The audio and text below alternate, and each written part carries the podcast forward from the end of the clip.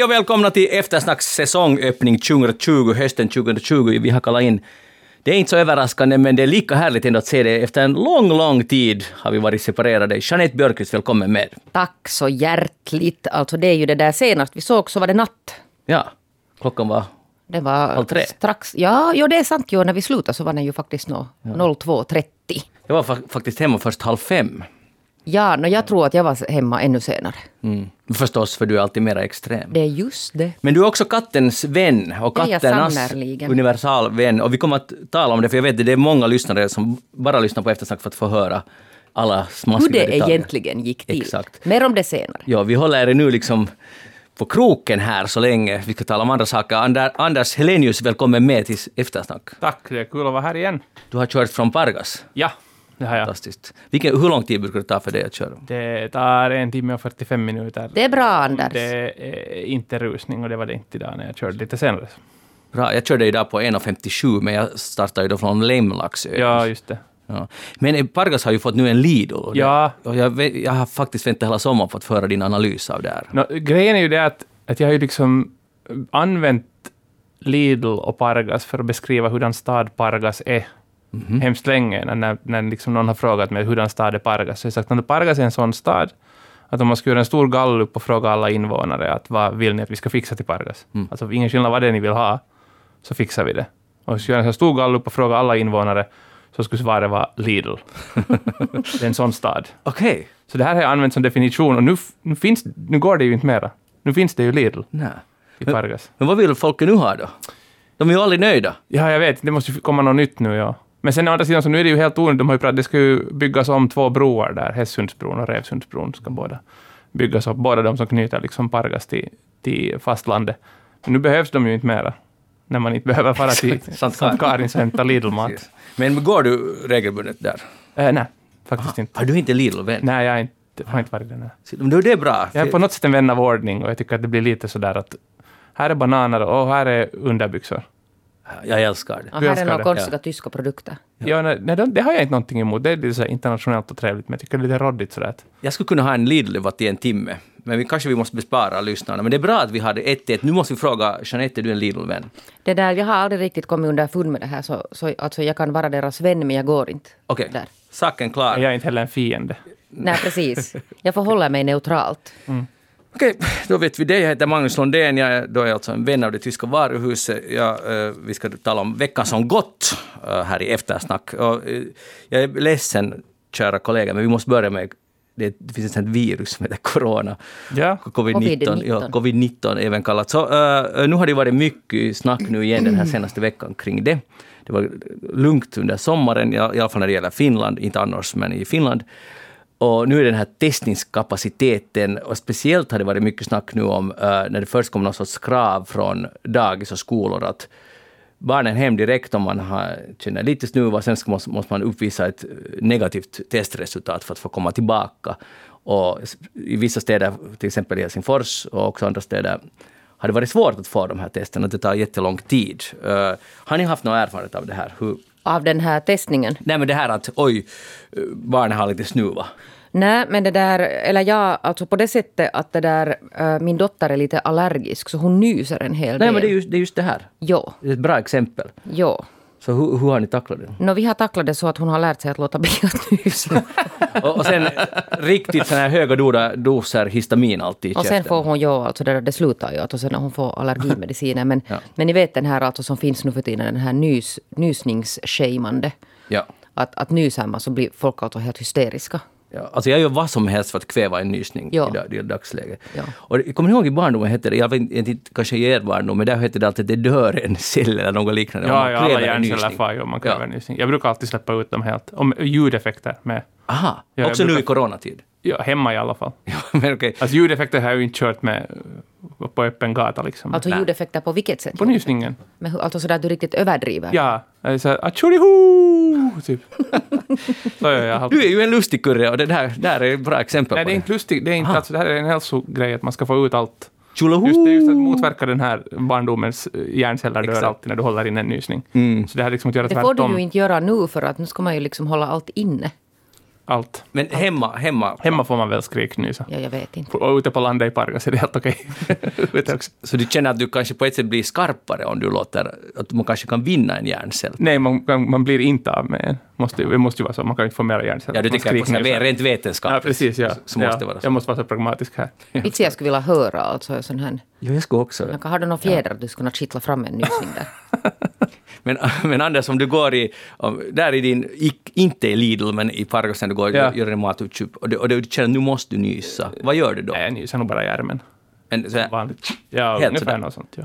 kvävd nysning. Nå, lite kväver det med min... Men inte så där som, man, som vissa då, drar den in dit någonstans. Det är sjukt ju. Men det är så jag gör. Ja. Och jag tycker det, det känns fel. Och, Ja, det är nog fel. Och jag har på något sätt tappat lite grepp. Jag märker hur det håller på att slira i huvudet. Ja. Det har farit så mycket. Hur är det Vad med är det så mycket hjärnceller nu? Ja. Ja. Nej, ja, det, det går nog i armen. Okej. Alltså ärmen, den här armbågs... Vad heter det här? Armvecket Armvecket, det tack pojkar, tack. Nå, nå, okej, men har, ni, har du Anders haft äh, med barn den här situationen? För det är ganska ja, jobbigt. jag blev själv testad i våras någon gång i slutet på maj. Just med att jag hade feber, halsont, hosta. Mm. Och samma hade nu två av fyra avkommor hade den här.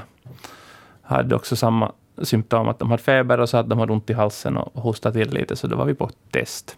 Det är ju inte särskilt mysigt det Det där var testet. negativt.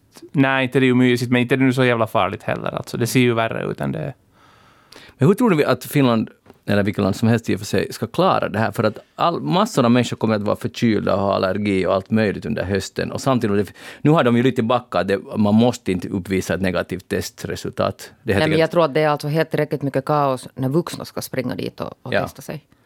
Men jag, jag förstår inte riktigt vad som har hänt här, för att jag tycker att i våras, när vi satte in alla möjliga, vi och vi, det var ju inte vi tre som gjorde de här uh, undantagstillstånden och sånt här utlystes, så då var det prat om att, att till den här strategin hör den här testa, vad var det nu då, testa spåra. Ja, jag kommer, men det var bra, bra grejer. Ja, ja, bra grejer, mycket bra, tre saker var det.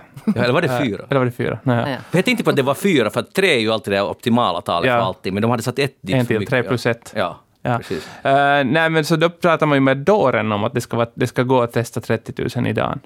Men vi är ju inte alls vi är inte nära heller. Du, du förstår inte, vad gjorde, var de också lika som vi alla var hela, andra var hela sommaren? Att ja, corona är slut nu. Mm. Att jag förstår inte, liksom, hur har man inte byggt och köpt grejer till det här? Nej, det är en väldigt bra fråga för att alla experter sa ju, det stod ju faktiskt i våra tidningar och Ja. till exempel på YLE och alla möjliga andra, det kommer att komma en Ja. andra våg. Det, det, borde, det borde inte vara en överraskning för oss vanligt folk, men det borde inte heller vara för experterna. Om man använder siffran 30 000. Alltså den siffran har, har flutit omkring ända sedan liksom det börjades med åtgärder mot det här, att vi skulle behöva testa 30 000 i dagen. Och nu plötsligt är man överraskad, att nej, men vad fan, vi kan ju testa bara 10 000 Mm. som det är nu. Och nu börjar man göra någonting åt det. Det tycker jag är lite märkligt. Men kan det vara det här samma som vi alla hade, att det, vi tog andhämningspaus under sommaren? Jag tror att det. Det Så var såg det jätteskönt att inte måste alla inte hela tiden fundera på corona. Nu, nu var det ju liksom en, jag skulle säga att det var en välbehövd paus och kanske gör att man orkar nu på hösten istället. Att, Mm. Det är ju möjligt att, att också de här experterna tog lite ledigt. kan det nog vara, ja. Det är inte omöjligt. Jeanette, har du, eh, vad tror du? Hösten? Alltså det här, Nå, det där... Andra vågen. mm. Är du förvånad över att den är här nu? Mm, nej, för att det sa de ju nog att den kommer att komma och så talades det mycket och det vet vi ju inte ännu att, att den kommer att bli värre än den där våren. Mm. Men det där... Mm, eh, nu kom ju det här alltså det här, den här rekommendationen också, de här munskydden kom efter jättemånga om och men och långa utdragna funderingar och, och människor som har gått upp ganska mycket i varv alltså. Särskilt på sociala medier om, om att man vill ha de här, jag tror det heter munskydd. Mm. Det finns olika. Jag har studerat Om lite. den här rekommendationen och på något sätt tänker jag att om den här rekommendationen skulle ha kommit då i våras när alla var helt till sig, alltså från sig och, och upp i varv. Så skulle säkert alla ha börjat använda dem. Men nu när man åker omkring i kollektivtrafiken i Helsingfors till exempel borde man ha dem och där åker ganska mycket människor. Så kanske 30 procent max har sådana. Också i rusningstid. Eller? Jag har åkt bara utanför rusnings- rusningstid och då, då var, var nog jag en av de få som hade Ja, det är nog så. på. Mm. Men jag vet inte liksom riktigt att, att, att är det nu så att människor inte riktigt orkar ta det här på allvar mera. Det kan vara, men fortfarande har vi ju i Finland ett läge som är ju, vad, vad är det, 30-40 per dag. Vilket Och man måste komma mycket, ihåg. mycket bättre. Det var över 200 som Och man värst. måste Jo, komma och- ihåg. Och för att det verkar- 0,3 procent av alla som testas testar positivt. Jo, och sen måste man lite. komma ihåg, alltså, för det verkar liksom ibland gå sån här, alltså det finns någon sån här psykologisk alltså, twist, att det att man är smittad betyder inte att man dör. Mm. För att ibland verkar det som att en del tror att, att ett positivt test är samma som att, att nu är döden här. Och det är ju alltså inte så. Nej, men det tror jag, det kan ju i och för sig vara att det hade en positiv effekt på smittspridningen, det att folk tog det som jättemycket farligare än det kanske var just personligen för dem i början. Det vill säga att man var lite extra försiktig med det. Och det kanske är någonting som nu kanske man lite börjar mer slarva med, för att man har kanske, inte vet jag, börjar kanske mera ta in det nu, att det är inte så farligt för mig. Jag, jag, min, jag har funderat förstås en del om på det här, eller jag tror att nu vem man nu inte funderar på. Men uh, alltså, ett problem är den här oron. Och den här, det var, jag tror att det var igår på Yle Vega också diskussion, någon sorts filosofisk angle på det här. Att, att när vi inte kan kontrollera någonting så försöker vi skapa ordning på någonting som vi inte liksom känner till och som vi är rädda för.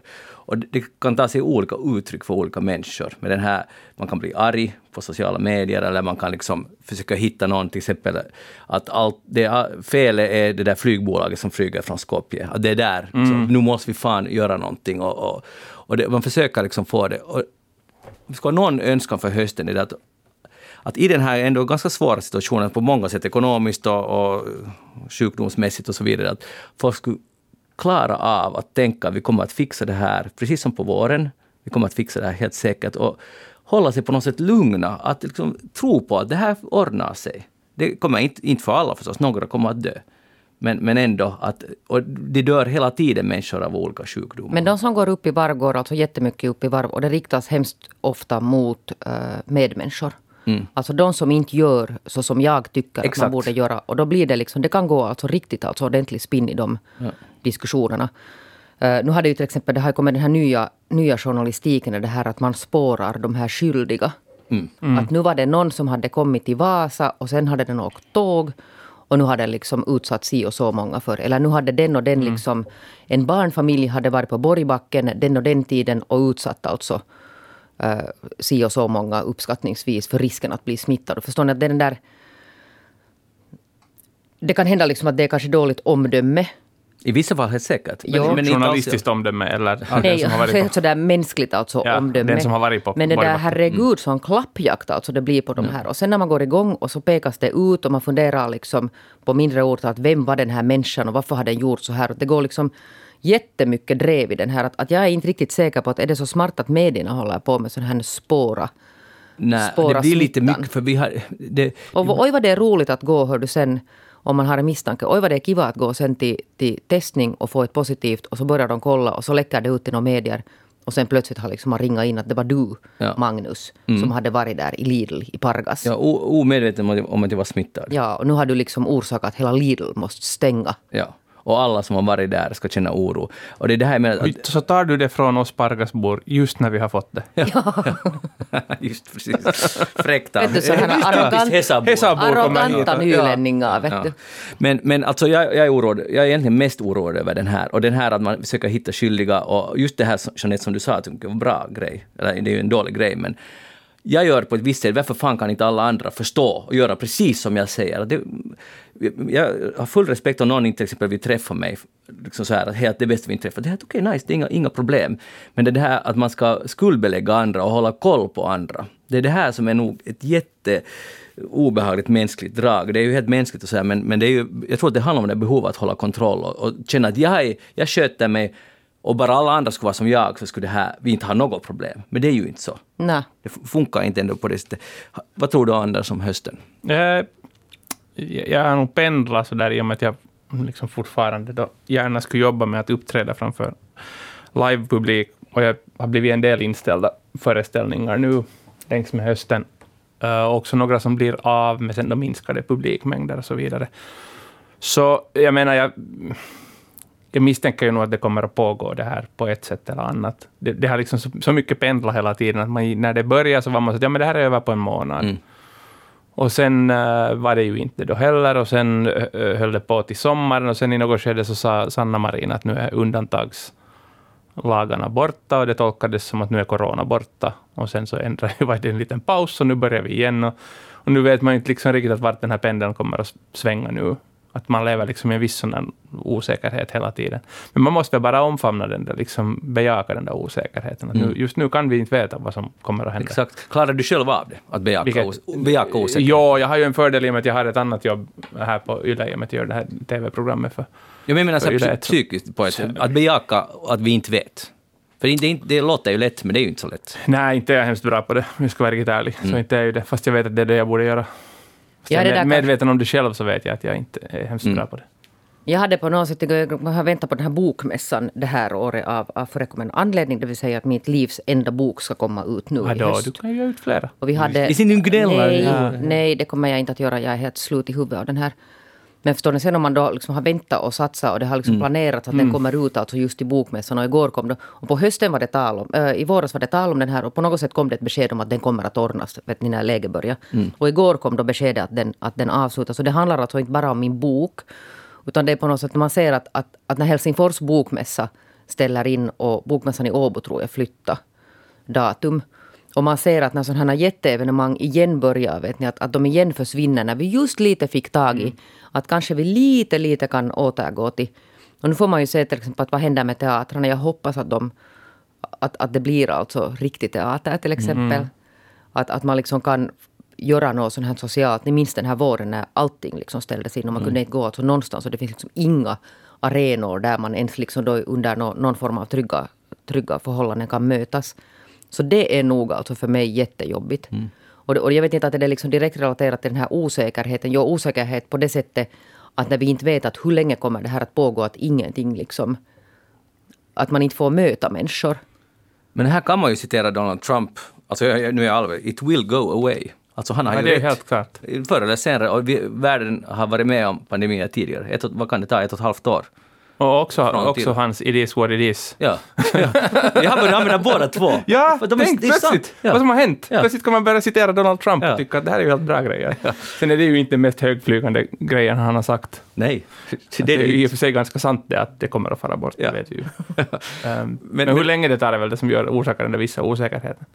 Men där tänker jag kanske, där har vi väl någonting att fundera på det som du pratar om, de här teatrarna och uh, bokmässor och grejer. Att kanske då om vi har eh, regler som tillåter då att man får vara då ett visst antal människor i en teatersalong, så då måste vi vara alla okej med det. Mm. Vi måste, då har vi kommit överens om att så här är det nu. Vi får inte sen börja säga att jävla svenskis eller, eller OST eller Lillan som, Nej, som släppt in folk. Nej. Utan då är det så att okej, vi provar på det. Vi tyckte det skulle vara kiva att gå på teater igen. Nu gick det inte. Nu får vi backa igen. Någonting Men det är inte så lätt att vara någon teaterchef nu, till exempel. Eller, Nej, det är det aldrig, tror jag. Nej, det Speciellt inte Finlands teaterchef. Men att om man, om man nu säger att om vi ordnar det, och sen om det blir ju så att det blir iltisk grej att på den här för, föreställningen fanns det en familj som Ja, var smittad och nu är, måste alla som har varit där gå på test. Och då blir det just att hur kunde de ordna en sån där Ja, ja. föreställning? Så att det, det, jag tror att de har ganska mycket att fundera på. Ja, men så det, det gäller nog att väga det här liksom att, att i vilken mån kan man, kan man liksom förutse saker? Eller ska man bara våga ta lite risker för att, för att upprätthålla folks mentala alltså hälsa? Precis. Det var någon psykiater, jag läste någon, någon artikel här nu i veckan om, som sa att den största hälsoeffekten av corona kommer att vara alltså den här psykiska alltså biten. Människor, att man blir ju helt tokig om man hela tiden liksom på något sätt måste vara borta från andra. Borta och orolig. Ja.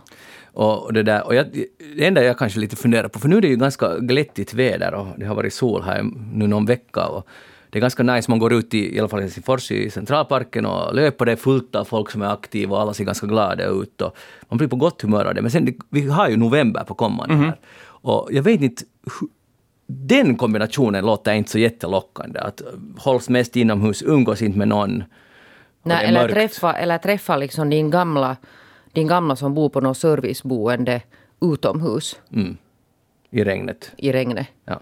Så, eh, men det finns ett botemedel, eller vad skulle du säga? Nej, jag tänkte att det kan ju också nog vara en helt bra sak. Vet, har du träffat folk i november? Mm. Många på helt sjukt dåligt humör. Det är Så kanske det är helt bra om man inte behöver träffa dem. Precis. Det kanske igen, att det finns alltid något positivt. Ja, ja. att låt mig vara ensam nu. Ja. Jag kan sitta här och se på Netflix. Men tänk Ja, de som kanske inte vill ljus. vara ensamma, alla gamla som har blivit Men det är sant, isolerade det dit. det kan jag ju hålla med om i och för sig. Men jag läste en ny forskningsrapport och jag tror att det här kan vara lösningen hur vi ska fixa det. För nu har de kommit fram till, och det här jag känner inte, eh, att om man, man tar till exempel en penna, om man är på dåligt humör, man tar en penna eller en sticka av något slag och sätter den i käften. Och, Så att man får liksom ett forcerat smil. Ja. Och om man gör, gör det så, så lurar man kroppens liksom mentala, ah, jag är på gott humör. Ja. Och då ser man på världen, liksom det blir att man får en mer positiv approach. Men alltså vilket smil får du om du töcker in den där pennan Alltså jag alltså kan visa, om du tittar. Det blir ju alltså Aj, jätte... sådär! Ja. Här, ni har ingen aning. får Ni du har rum med den ingen... där? Alltså, inte har du Men en kortare pen, penna. Ja, något kortare måste nog definitivt vara. Alltså den ska, den ska inte bara skuffa tillbaka mungiporna utan den ska liksom vara in uppspänd. riktigt ordentligt smil. Man, Så här som en glasspinne typ då. ja. Ja. Och, så, och man ska akta den inte sen hamna in i käften ordentligt. Det måste bli mellan läpparna, liksom Ja. i giporna. Och sen om vi börjar nu då använda den här Manu Lundéns äh, smilterapi så ska vi också komma ihåg god pennhygien, bästa lyssnare. Att Ja. man inte håller på... det- Man kan inte ge den till någon annan. Alltså det där kan jag nu nej, säga nej. att man ska inte sätta in den där pennan för den, de flesta har nog en mun där den inte ryms. Att det kan ju bli liksom andra problem där sen om man på riktigt alltså tvingar in en penna. på, på tvären. Ja, läpparna Men- spricker och sånt.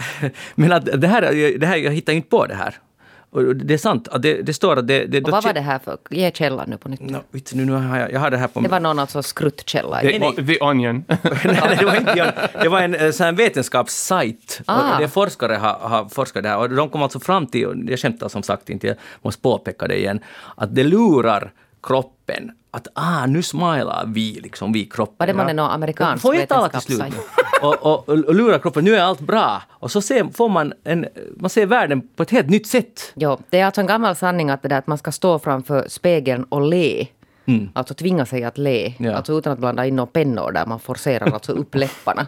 Och att det lär ha sen på liksom någon ganska till och med kort sikt alltså någon sån här positiva effekter Ja, på det här bara psyket. Men den där pennan förstår jag nu Ja, men det är inte. om, man- om man är verkligen sur och man inte ens kan få fram det där forcerande leendet så kan man Man med ska våld... inte sätta in saker nu i munnen. Man kan ju liksom bara ta med fingrarna och trycka vet ni. Okej, men gör du så då? Men du såg nog inte så, ut så glad ut när du gjorde det. Nå, inte såg du så jätteglad ut. med en rak penna som bara... Nej, nej, det är sant. Jag är ledsen. Men, men tror ni på det här, alltså att eh, vi tar nu den här Nej. mjuka varianten att du ställer dig framför spegeln och småler. Jag tror nog att man kan använda något muskelminne ja, för att trigga vissa saker. Du tror det? Jag tror nog inte att det alls låter omöjligt. Tufft. Så i november kanske Nej, men jag tänker så att man- nu finns det ju mycket som man kan göra fysiskt som sen påverkar den mentala hälsan. Mm. Man kan, om man motionerar så det sägs ju att det har liksom jättebra... Jo, det har jättebra för det lö- Ja. frigör sådana här endorfiner. Ja, precis. Och nu kan ju, om, man, om det gör tillräckligt ont att få in pennan i munnen så kan du frigöra några endorfiner det också. Mm. Men skulle du vilja starta en business med mig? Vi ha Pen- penterapin. Så du, Penterapi, att man Ja. skuffar in... Lycka till pojkar, jag är inte med. Jag, jag vet, jag tror att jag tänker faktiskt, om det är en business det är frågan om, så då, men man ska det känns ta, som att det är lite för lätt att kopiera. det, det är sant. Och det är alltid bättre att ha en businessidé som man bara själv kan Ja, driva. ja. Men man är först, å andra sidan, å andra sidan, ja. först i Finland. Nå, om ni vill ha här terapistund hos mig så ring eller mejla på Eller bara ställa er framför spegeln och le varje morgon. Men det, det finns business, skulle du inte ge det gratis sådär? Jag vill ha pengarna nu för det. Men vill jag att vi ska, vi ska gå vidare. Tack Jo. Uh, Joe Biden är nu nominerad till presidentkandidat i, i Demokraternas presidentkandidat i valet. Och han hade då hållit tal. Har, har ni sett, kolla alls på det här? Jag har inte Nej, sett Bidens tal. nej. Jag såg bara förspelen när han väntades hålla talet. Nu, jag tycker att hans tal var riktigt eh, överraskande bra. Det, här, det ligger ju också något i Donald Trumps Sleepy Joe-epitet. Mm. Han, jag tycker att helt enkelt tiden kanske lite runnit förbi, men det här talet var lite energiskt och han var riktigt bra. Alltså helt sådär. Uh, men det som var... Jag, jag är lite lättköpt i sådana saker, men han hade en 13-årig pojke, Braden Harrington, som stammar. Och Joe Biden har ju också stammat länge och gör det till och med fortfarande. Vilket då framstår, folk tolkar det som att han är jag tror det är gamla fördomar att han kanske han, han är inte riktigt mentalt skarp och så vidare. Men nu hade, och han har lite, inte alltid liksom lyft upp det i offentligheten så mycket som han skulle kanske borde. Det skulle vara en bra signal tycker jag själv. Men i alla fall så hade han nu till det här konventet hade han fått med uh, Braden Harrington, 13-årig kille som uh, också stammar. Och så hade de hade träffats på något möte och det fanns ett foto där Joe omfamnar uh, Braden och nu höll Braden ett tal och det hann ju delvis stamma. Men det var ett riktigt starkt ögonblick, alltså bara känslor. Men den här Braden sa att tack vare Joe Biden kan jag nu hålla det här talet till er alla. fast jag har det här, den här grejen att jag stammar, men det be- betyder mer än att jag fått det här modet av Joe Biden. Jag förstår ju hur manipulativt det här är, men det funkar för mig. Jag blir helt yes, glad Det är en för sån Braden. här positiv manipulation. Ja. Vad tycker ni? Får, får man göra så här? Är det ett politiskt knep det här? Jag tror, jag tror att det där är helt okej i USA. Ja. Men i Finland? Ja, inte- jag vet faktiskt inte var, var man gränsen ska gå. Där. Är den där hunden ett, ett sånt Niinistös? Ja, Lennu. Är den en, ett knep? No, nu är det nu ett knep. Lenno är nio år gammal, läste jag i lastenotiset. Första numret kom igår. Ah. Aha, det var intressant. Ja.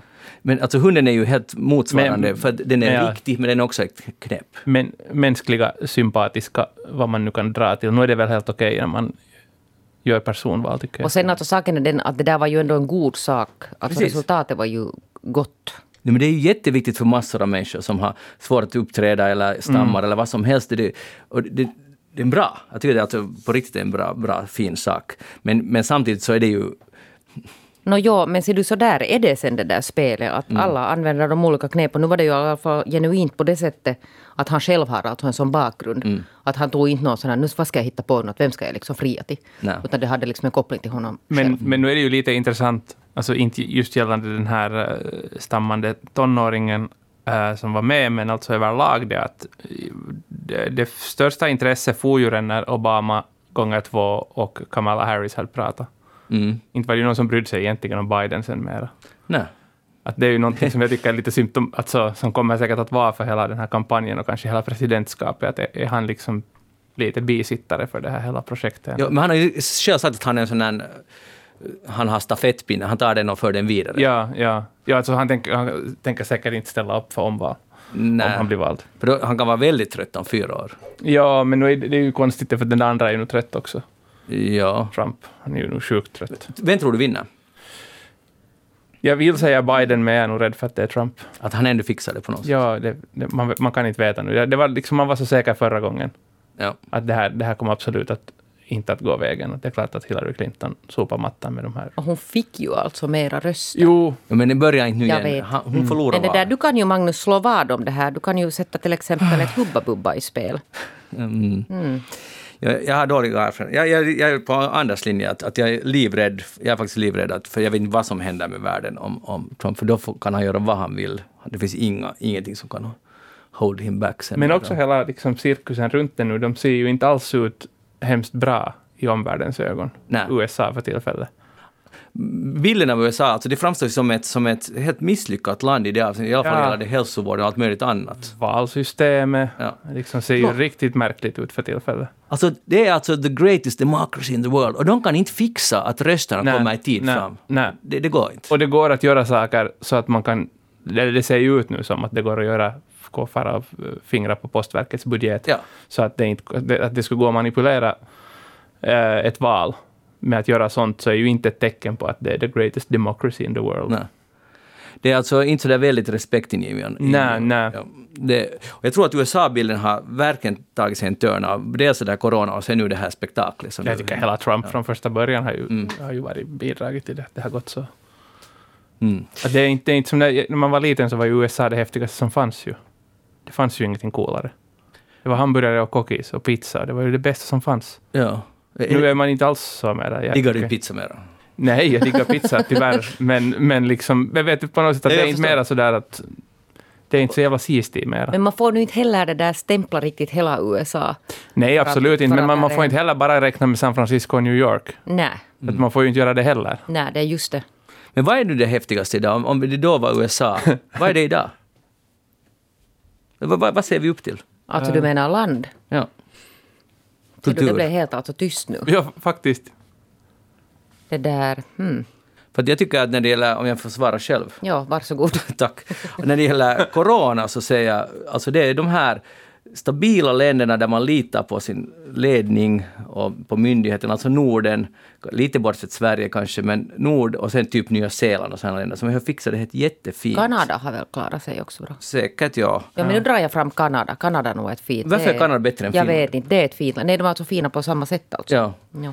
Men jag menar det är de här länderna som går helt klarast genom det här och starkast och kommer att fixa det här, corona. Och, men annars också, det, vi har inte, det är så att om man, man röstar i ett val så man, det är ganska entydigt om man är medborgare eller har röstat så får man gå. Man behöver inte anmäla att jag skulle vilja rösta Nej, i kommande nej. val.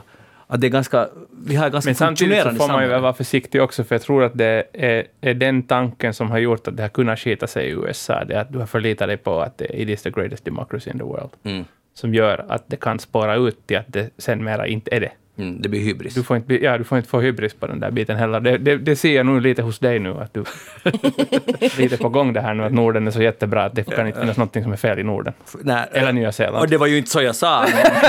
Och det var nu andemeningen. Ja, du menar att jag borde trycka en penna i käften nu, så Ja. jag skulle inte vara så här sur?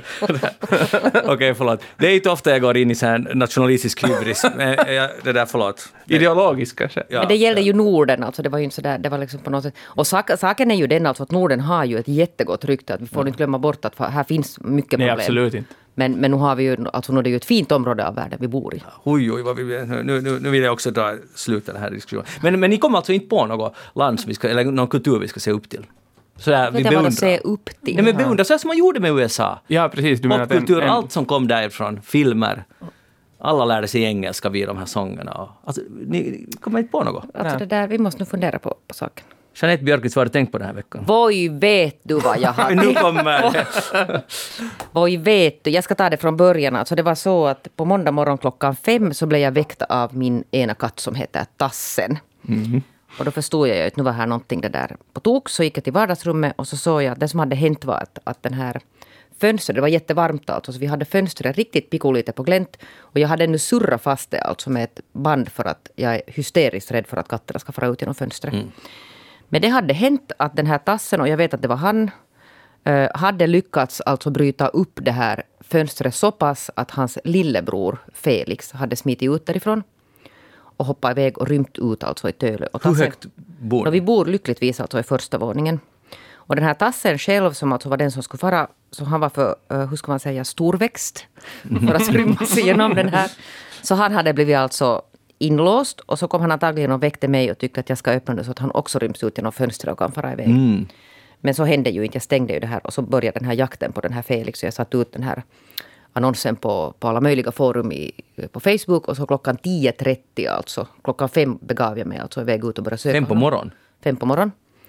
Eh, och 10.30 ringde telefonen att han hade hittats och han var ganska långt borta, alltså från vårt hem, fast i ett träd nära en restaurang vid Töle bibliotek. alltså uppe i ett träd. Uppe i ett träd. Ungefär hur långt hemifrån? Nå, sådär kanske 600 meter, vilket alltså för en katt är jättelångt. För att de brukar när de rymmer så brukar de stanna alltså jättenära. Alltså någonstans. Så jag sökte ju dit på alla innergårdar alltså i våra kvarter. Nåja, men där satt han och stirrade på mig och så sa han pio när jag kom sju meter upp i luften. Och sen började alltså en sån här heldags operation alltså. Där jag då först försökte det där locka ner honom utan resultat och sen började jag ringa då den här, i något skede den här eh, djurräddningsenheten som finns i Helsingfors. Men de hade bråttom med några hjortar som sprang omkring i några bilaffärer och vad det var. Och det gick timme efter Det är ju timme. småpotatis jämfört med det här. Nåja, jag vet inte vad de skulle göra. Antagligen skjuta den. Jag vet inte vad som hände med den här hjortstackaren. Nåja, men där satt Felix alltså och det där sa Pio. Och där den här restaurangen, sån här gammal anrik lehtovara som finns där, så de försökte alltså servera lax åt honom och locka ner honom och de var mycket alltså engagerade. Och det var också alltså alla människor, alltså det blev sån här litet programnummer där, att, att människor kom förbi där och, och alla himlade sig över att oj herregud och där stackars katt, oj oj och någon började gråta för att hon var så rörd av, av den här, att hur ska det gå för honom? Nåja, och sen sent om sidor så fick jag tag sen på, på en räddningsgubbe. Och det var inte alltså djurenheten då, utan det var då i det skedet hade det gått över till den här vanliga brandkåren för att de hade alltså gått. Och han var nu sådär att nå ho, ho. Alltså vänta, du ringde till brandkåren? Jo, för de hade sagt att ring på nytt si och så klockan var det nu efter tre. Ja. Och, och han var nu inte sådär jätteimponerad den här som sen svarade på telefonen. Ringde du 112? Nej, verkligen inte. Huh. alltså. och, och fattar ni känslan när man ska ringa? Alltså, det är sånt här som man liksom läser. Det är någon vits det här att katten i trädet i Tölö. Men det där, och jag sa att jag var jätte alltså, generad. Jag var här så att, att, ursäkta nu, men att det här är faktiskt nu så här. Ja. Nåja, så kom dit en gubbe och han var nog verkligen ingen kattvän. Och han var mycket irriterad över sån här nonsensuppdrag. Vilket man ju kan förstå. Han var kanske inte den här som själv är den här, riktigt den här hårda operativa eh, verksamheten om man säger det så. Och, det där, och så han sa att han tänker nu inte göra någonting åt det här, det här är bara strunt. Och jag sa att men skulle du kunna låna åt mig en hög stege? Att jag kan själv alltså klättra upp. Vi hade försökt sen få tag alltså på en lång stege. Alltså vet ni sån som man har på landet, men inte har ju någon i stan alltså några så här höga stegar. Och han sa att han har nu en sån i en bil och du får nu verkligen inte låna den. Mm. Och jag var här så att jaha, no, vad ska vi göra? Så han sa att gå hem härifrån. Att där, den kommer nog ner härifrån. Och jag sa att vi kan ju liksom gå hem och lämna en katt liksom i trädet i Tölö bredvid restaurang. Att det går ju inte. Mm. Nåja, och det där, så sa han att okej, okay, han skuffar ner det med en käpp. Och så hade han en sån här lång käpp. Och så började han töcka på den. Och den här restaurangen hade i det här skedet alltså hämtat ut en stor vit bordsduk. som vi hade mina kompisar. Så vi stod där och höll som ett sånt här skyddsnät. Att sen när han trillar, om han trillar ner där från den här. Då det, det där sket ju sig så att säga, om man nu ska säga. Va? Ärligt. På vilket? Det sket sig på det sättet att den här Felix-katten hoppade över till ett annat träd och så plötsligt var han 23 meter upp i luften. Det är väldigt högt. Och det var jättehögt och då i det skedet så, så blev jag lite sådär olycklig för att jag insåg att det här brandkåren kommer inte att hjälpa mig och katten är 23 meter upp. Att när han trillar ner där så sen är han död. Och, och då hade redan min dotter och hennes hela kör av flickor kommit dit och hon var ju helt hysterisk och grät. Och sen tror jag att den här käppmannen förstod att det gick lite inte så bra. För han sa att äh, att jag sa ju att det här går inte. Inte får man en och katter att nu far han till, till några andra viktigare uppdrag. Och sen blev han lite och funderade och förstod att okej, okay, att det här Och då ringde han alltså in sen den här riktiga, riktiga den här brandkåren med stora bilen och, och vet ni sådana här lyftstegar och saker. Och de med sirenerna på. Nej. Och utverka. Och de kommer ju alltså, det tog ju sen tid för att de har ju alltså viktigt jobb. Att det var sen för att det där det fanns, råkade finnas en lucka. Och då utverkade han, jag fick inte låna den här stegen. Men, men då utverkade han plötsligt äh, speciallov att jag får åka upp i den här alltså hissen, alltså den här korgen förstår ni. Med brandkåren. Med, brand, en, med, med hans kollega, alltså Ja. han åkte ju inte själv med. Och sen plötsligt var jag liksom fastkedjad dit med någon jättefull mundering. Och på väg upp, alltså det enda han frågade att är du höjdrädd och är du nykter? Och jag sa att jag är nykter och jag är inte höjdrädd. Och det är inte sant, jag har alltså extremt svår höjdskräck. Och hela tiden i fyllan. Dessutom det. Men det där, men det där jag, jag, jag insåg ju då att, att nu den här kattens liv, det är liksom, den hänger på mig nu den här. Ja. Den här. Nåja, och, så, och han var jättetrevlig den här. Vi åkte upp sen dit och det var inte helt alldeles lätt det här. Och katten satt och stirrade där och han bara skrek och det var jättedramatiskt och det var massa människor samlades alltså omkring och, och det där. Det var mycket stort alltså engagemang. Och det där och sen fick vi nu, alltså vi kom nu sen så nära att jag lutade mig, liksom jag låg ut dit från den här korgen vet du, någonstans jättehögt uppe och så fick jag tag i den här katt, kattens alltså nackskinn och rev honom vet ni sen ombord dit i den här, bu, den här korgen och sen in i en bur och så kom vi ner och folk började applådera, det var liksom jättestort. Thank you, thank you, thank you. Och sen kom vi ner och den här min, min nya vän där på, min nya bästis där på den här Lehtovaara, så han var så, han var så lättad att han började gråta. Och, det var liksom kramkalas och det var jättesådana stora emotionella laddningar här. och de hade ju alltså hämtat det där Vichy åt mig där och de var liksom jätte så här. Sa du bische? Vichy, Ah, Vichy. lyckligtvis. Ja, annars Annars skulle ni inte åka få upp. åka upp. Ja, precis. Och, det där, och sen slutade det hela lyckligt och sen, sen gjorde jag en sån här offentlig sån här statusuppdatering där jag alltså hyllade då den här restaurangpersonalen för de var ju helt fantastiska. Alltså helt så här vet ni utan någon vinning och utan något intresse alls så, så det där såg de till att. Och han fick sen den här Felix fick en och de sa att han ska inte äta någon lax som har stått här hela dagen. Så gick de in och hämtade sån här färsk gös. Och sen åkte vi hem. Och sen det där, de, han slukade den sen när vi kom hem så det gick på några sekunder. Han Jaha. hade ju suttit i det skedet kanske någonting uppemot 12 timmar i trädet. Just det. Eller Men, något sånt. men alltså, vänta, då när du nappade Felix därifrån. Ja, det var inte ett roligt ögonblick ska jag säga. Nej, men var Felix att i sin komma hit? Nej, utan jag tror att han fattade, alltså han var säkert så st- förstelnad av skräck. Och han tar, alltså jag fick liksom kontakt med honom så han fattade att, att nu är hon här och någonting. Men att där var den här, liksom, vet ni, den här ögonblicket när man ska ha tag i honom och flytta. Det var kanske en halv meter som jag hängde där. Att tappar jag nu den här så då är det liksom puff. Och sen var han jätteglad. Vi gjorde high-five med den här, min, min brandkollega där uppe. Jag såg på fotot, för det var ju HBL har ju uppmärksammat den här Ja, och sen så blev det, det blev alltså jättestor sån här, liksom, det, det, stor spridning alltså på det här. Ja. Och, och många som, som likade och en som blev jätteirriterad att ha, ha ett brandkåren något bättre att göra än att, att åka efter katter. Och vad säger, vad säger du åt det då? Jag länkar dit en, en grej där det står alltså att Helsingfors brandkår själva har sagt att de är helt nyttiga de här därför att de får träna, alltså testa sån här, sin att åka utrustning. upp med, ja. Jo, så den här var till exempel en helt bra träning, sa han själv också. Jag talade, jag frågade ju, jag sa att jag är jätteledsen att jag besvärar er med sånt här. Plus att jag har på något sätt på känn att om det skulle ha brunnit i ett höghus någonstans så skulle, så skulle de, de inte ha kommit. Nej, plus att de skulle ha avbrutit ja, operationen. Ja, ja, precis. Men och de skulle ändå ha varit på jobb. De jobbar ju skiften. Jag sa sen åt den här brandkårsgubben, han som inte var så jätteglad där i början, han blev alltså jättetrevlig, vi blev riktigt goda vänner sen där när man på något sätt liksom lyckades hantera honom. Så sa jag att nu ska jag gå sen och ta den här ganska många öl och så ska jag själv klättra upp i ett träd och sen ringer jag dig att du får komma och hämta ner mig. Men äh, slutet gott att har Felix nu lärt sig något av Nej, det här? katter lär sig ingenting alltså. Äh, men det, jag, alltså tycker, jag tycker att det är ganska fascinerande. Vi har också katt, men vi bor ju ute på landet, så den kan klättra i träd både upp och ner. Ja, men det kan Felix också på landet. Men nu gick det inte alltså. Det funkar Det var liksom för mycket. Vet du, där är Mekelingatan, en av Helsingfors alltså, ja, tyngsttrafikerade ja. gator. Så jag tror att det var helt too much. Och där var helikoptrar och människor och, och vet du, show. På landet skulle han ha kommit ner alltså från det här trädet. Riktigt? Ja, men han, det, han bara helt enkelt inte fixade det. Ah. Vad skulle du säga? Om? Nej, jag tänkte att om det är så att stadskatter inte kan, att de har en instinkt som får dem upp i trädet, men sen inte har skillsen att komma ner därifrån. Nej, och han är alltså en jättebegåvad klättrare. Det här pratar jag okay. med. Det var tiotals människor som vi står och diskuterar de här sakerna med. Men livet i storstan är ganska hårt. Ja, och jag tycker att det är helt underbart. Vi talade sen med den här Sylvia Bjon, alltså reportern på Husis som skrev den här. Hon gjorde sen, vi skrattade lite att nu skulle hon göra riktigt den här katten i trädet-nyheten. Men att det var någonting alltså där också att, att människor möttes vet ni, att, att där, där var någon sån här post-corona, tror jag. Mm. Att plötsligt har man en katt i ett, ett träd och någon människa som är där och sen liksom pratar man och umgås och sen kan man samlas kring den här eländiga katten och brandkåren och liksom hela den här showen. Att där fanns något sån här element av att, av att man möttes och träffades. Ja, ja, och det tror... kan ju vara liksom en trivial sak för någon. Vi är, jag är nog bara jätteglad att vår katt är hemma. Jag tänkte faktiskt säga att, att fick du någon sån här samling efter corona, känning av det här. Och det, sa ja. det var den filsen jag fick, för på ett sätt är det här ju en icke-nyhet. Alltså, Totalt alltså noll nyhet. Och, och, Men det är en god nyhet Jo, också. och det är just det som behövs. Så ja. att, sådär, skönt att höra att det slutar så här lyckligt. ja, och människor är fina tänkte jag också. Vitsig människor är fina sen i alla fall. Men tror du att, att Felix ska komma ner därifrån?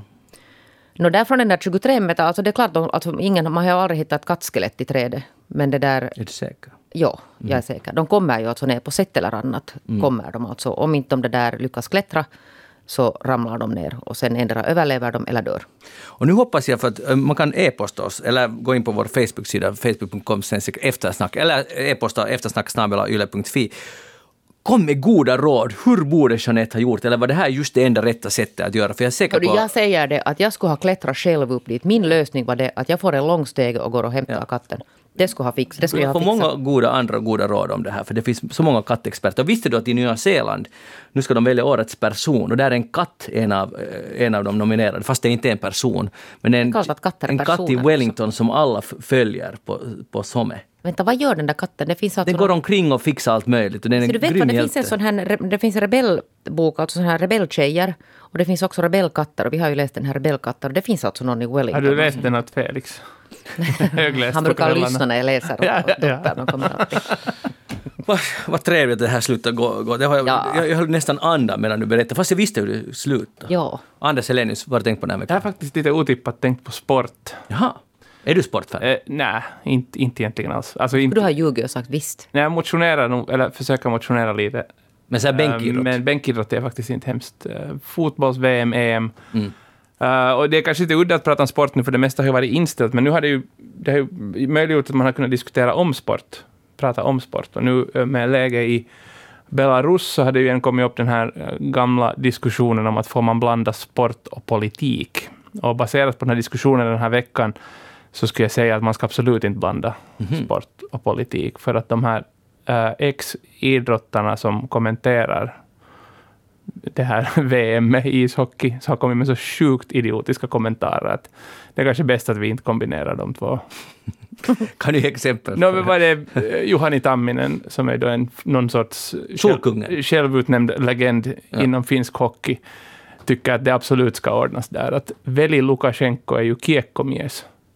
Det var nu en bra argument. Ja, det är Putin också. Putin är också, ja. Och, och det där, så då är det helt okej. Okay. Och var det Tikkanen, Esa Tikkanen som sa att ja, det, det är helt okej okay att det finns ju alla möjliga diktatorer ute i världen, att om han sen råkar digga ishockey så är det ju bara bra. Mm. Uh, och jag, jag, tycker liksom att det Det känns inte bra. Nej, men jag tänker att varför frågar man de här överhuvudtaget? Det är kanske ett journalistiskt val egentligen, och det är kanske där som det faller. Att vet, varför ska vi fråga de här gubbarna? Varför, varför, vad, vad är de för experter på uh, vad heter det, mänskliga rättigheter eller demokrati eller någonting? Nej, men då kommer man inställa sig frågan, vem ska man fråga? Den som har studerat mänskliga rättigheter och Mhm. diktaturer och Men Och, och, och framförallt gå, gå till roten med att det inte faktiskt går ju inte att separera politik och idrott. Och det som man gör om man låter dem ordna VM i Vitryssland är att man låter dem kombinera politik och idrott, för att det är politik. Mm. Det att de ordnar det här VM är politik. Det att Qatar ordnar fotbolls-VM, det är politik. Så är det. Det går inte liksom att gå runt det, så därför det, det är liksom ett eh, Liksom, hur ska man säga, det är ett argument, en paradox, paradoxalt argument att säga att man ska inte kombinera politik och idrott. Jo, för det är ju på- just det de gör när vi låter dem ordna de här VM. Och sen känner jag det för att det har ordnats så många gånger så säger man att jo men genom att ordna alltså det här vad det sen är alltså för, för tävling i det här landet så kommer man att främja alltså den här demokratiska utvecklingen och, och de mänskliga rättigheterna. Det heter alltså någonstans säger någon. Och det borde vi nu ha ett facit som visar att det stämmer. ju. Nej. Alltså vi skulle ha en så god värld om det där skulle stämma. Eller hur? Kina skulle vara världens öppnaste samhälle, för de fick OS. Och, och Qatar kommer, är ju nu redan på jättegod väg, väg att bli fullt demokratiskt och, och kvinnliga rättigheter och allt, allt fixar sig. Så det är ju helt enkelt struntprat. Ja, precis. Och det är så uppenbart som... Förstås handlar det om pengar, men, att, men när det gäller Vitryssland så jag, jag, jag tror att du har jätterätt för att det skulle ju användas och låt oss säga att den här protestvågen som är en fin protestvåg och man måste beundra de här människorna som med ganska hög risk går ut och demonstrerar. Det är trots allt en diktatur. Ja, de här ungdomarna och vem som helst, kvinnorna som går där i klädd i vitt, är ju helt fantastiskt fint.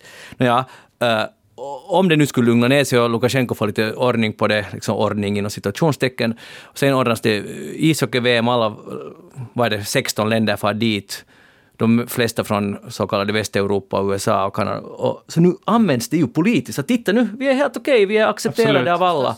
Att, och, och Lukasjenko står där bredvid ishockeyförbundets ordförande och delar ut guldmedaljer. Så klart, det är, det är politik. Du Det är har klart helt, det. håller helt med dig. Så att, eh, ja, om det nu var Kurri eller Tikkanen, fantastiska hockeyspelare, men att i den här saken så kanske man ska hålla käften. nu har väl, men nu har väl också den här Kalervo Kummola som är eh, ishockeyförbundet. Alltså på internet, nu är jag inte så insatt i det här, men han är någon internationella Han är vår hockeytsar i alla fall. Jo, men han är alltså också på internationell nivå på det här jävla firman som ordnar de här Ja.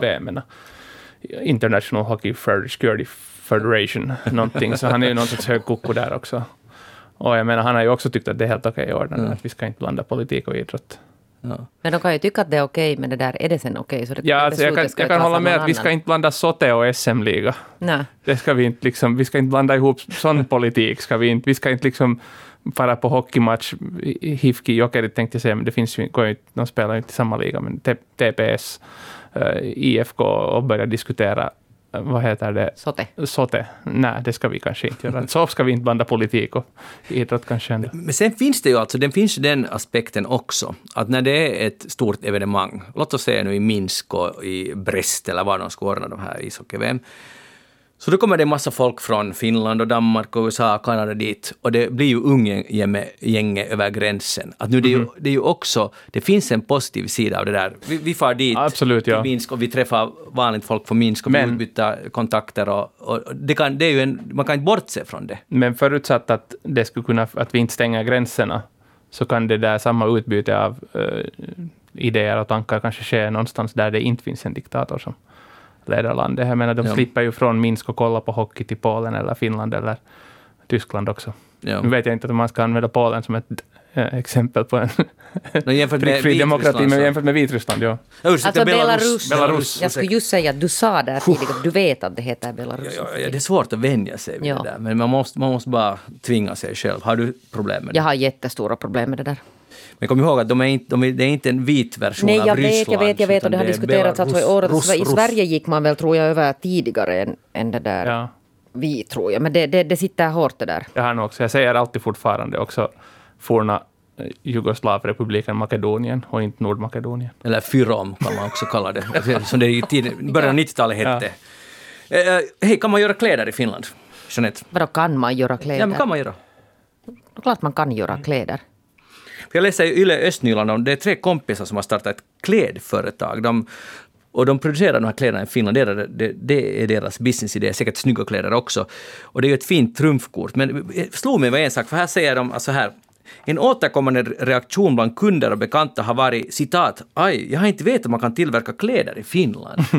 och då började jag tänka att, att kommer ni ihåg att det fanns, det har funnits och finns inte, inte så mycket mer, men det, Finland var ganska stort när det gäller kläder. Tampella, Ja. Tam, alltså det har gjorts ganska mycket tyger. Och nu plötsligt finns det en, uppenbarligen en hel reaktion som ah, kan vi, kan vi göra kläder i Finland? Att hit har vi kommit.